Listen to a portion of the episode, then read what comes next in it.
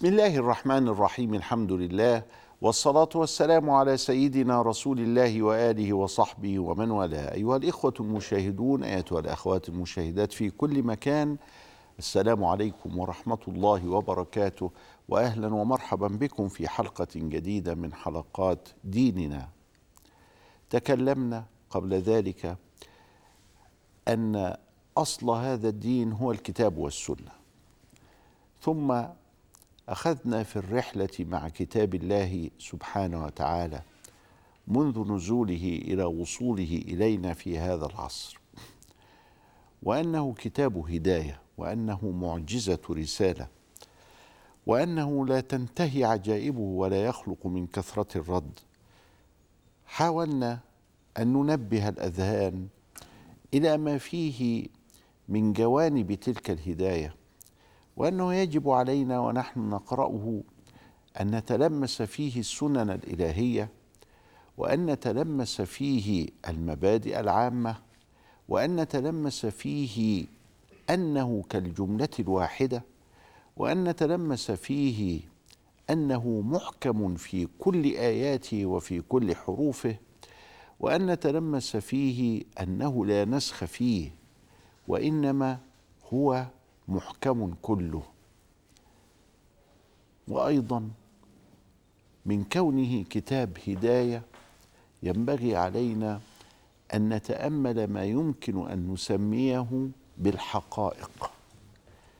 والحقيقة ليست هي من نوع السنن الإلهية ولا هي من نوع المبادئ العامة ولا هي من نوع الأحكام التي سنفرد لها حلقة بعد ذلك افعل ولا تفعل. هي حقيقة الأحكام. أقم الصلاة لدلوك الشمس إلى غسق الليل وقرآن الفجر. إن قرآن الفجر كان مشهودا. ولكن هناك حقائق وكان الله غفورا رحيما. هذه حقيقة وهي تتعلق بحقائق في في الدنيا. هذه الحقائق تتمثل فيما يحبه الله سبحانه وتعالى. تتبع في القرآن كلمة والله يحب.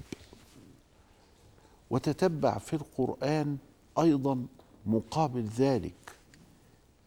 مقابل ذلك وهو إن الله سبحانه وتعالى يكره ف أو لا يحب فهو سبحانه وتعالى لا يحب الفساد وهو سبحانه وتعالى يحب المتقين ويحب المتوكلين. يحب ولا يحب من الحقائق. صفات الله سبحانه وتعالى العزيز الحكيم الغفور الرحيم السميع البصير حقائق. حقائق سيتعلق بها أنه يجب علينا عندما نضع برنامجنا وأن نستفيد من هداية القرآن الكريم أن نعرف من نعبد. فنحن لا نعبد وهما ولا نعبد غائبا.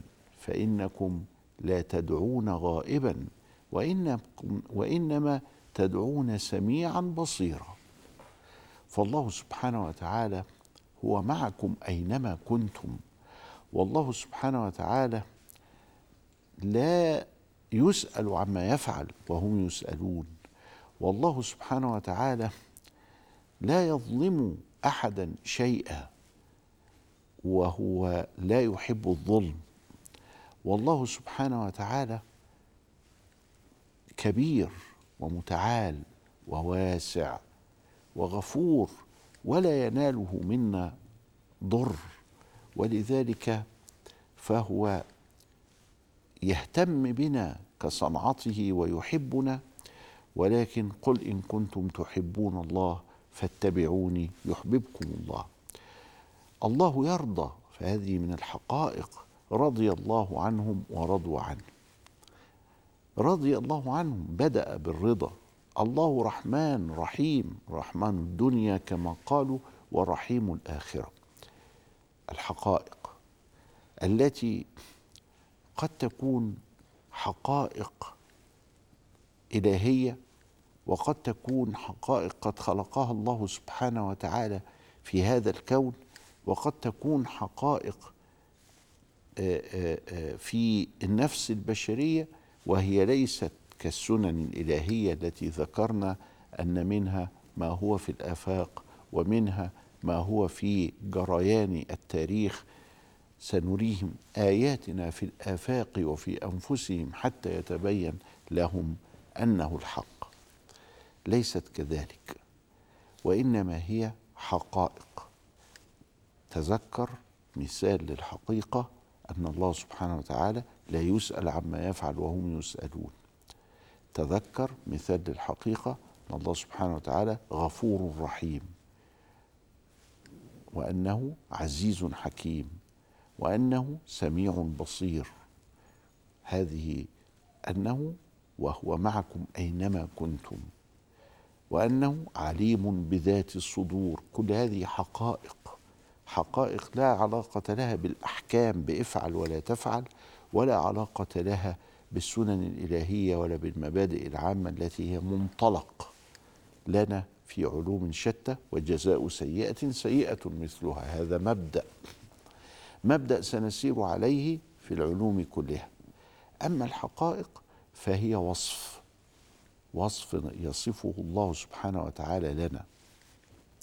إذا دخلنا القرآن وأصبحت عندنا هذه العقلية الحاضرة المتدبرة المتأملة التي تقرأ القرآن وتحاول أن تستخرج منه هداية لها فإنها ستتعود على ذلك وسترى ما لم تكن تراه من قبل. فرق إذن بين السنة الإلهية وتتبعها وحاول أن تتتبعها في القرآن الكريم. ثم بعد ذلك المبادئ العامة وتتبعها وحاول أن تتتبعها في القرآن الكريم. ثم بعد ذلك إحكام هذه الآيات بذكر الحقائق.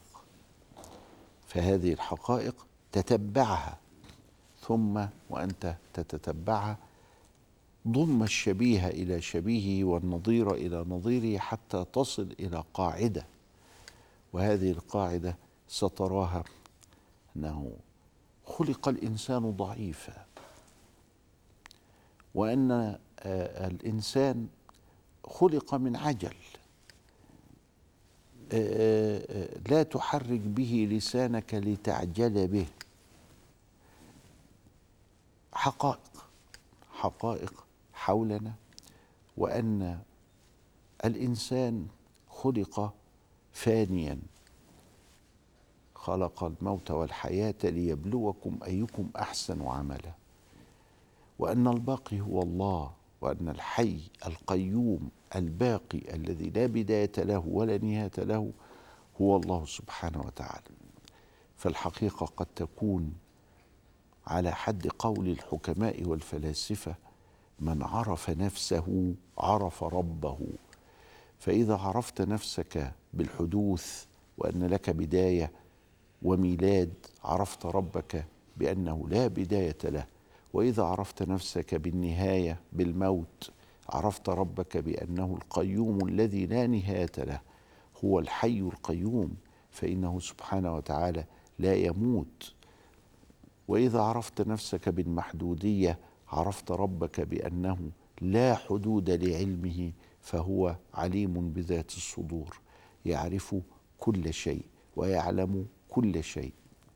وإذا عرفت أن أن نفسك آه، هذه الحادثة الفانية إنما هي تحتاج إلى غيرها عرفت ربك بأنه قائم بذاته لا يحتاج إلى شيء من الأكوان وهو الآن على ما عليه كان قبل خلق هذه الأكوان سبحانه وتعالى. فهو القيوم بذاته فلا يحتاج إلى أحد ولا يحتاج إلى آه، آه، شيء أصلا.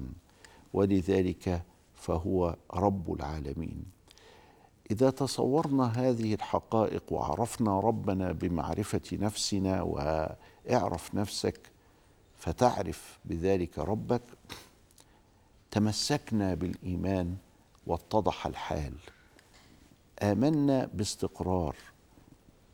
إذا سجدنا سجدنا لهذا العظيم الذي هو صاحب المنة. وإن تعدوا نعمة الله لا تحصوها. هذه حقيقة. فإذا جلسنا نعد نعمة الله علينا فيكفينا نعمة البصر. ولكن هناك بعض الناس قد سلبه الله نعمة البصر لحكمة وذلك أن من فقد حبيبتيه في الدنيا فإنه له الجنة. فهذا وكأننا إذا رأينا الكفيف أو الضرير فإننا نعلم أن هذا واحد من أهل الجنة لأن الله قد سلب منه نعمة من هذه النعم. نعمة الكلام ولكن بعض الناس لا يتكلم. نعمة السمع ولكن بعض الناس لا يسمع. ولذلك وبضدها تتميز الأشياء. قال هذا الشاعر الوجه مثل الصبح مبيض والشعر مثل الليل مسود. ضدان لما استجمع حسن والضد يظهر حسنه الضد. هذه الأشياء فقد البصر فقد السمع فقد النطق فقد القدرة على الحركة بتجعلنا أكثر حمدا لله سبحانه وتعالى وأكثر تعدادا لنعمه التي لا تعد ولا تحصى. حقائق. كل هذه من باب الحقائق. إذا دخلت القرآن فابحث عن هذه الحقائق. كيف تصل إليها؟ بأن تتدبره بأن تتأمله.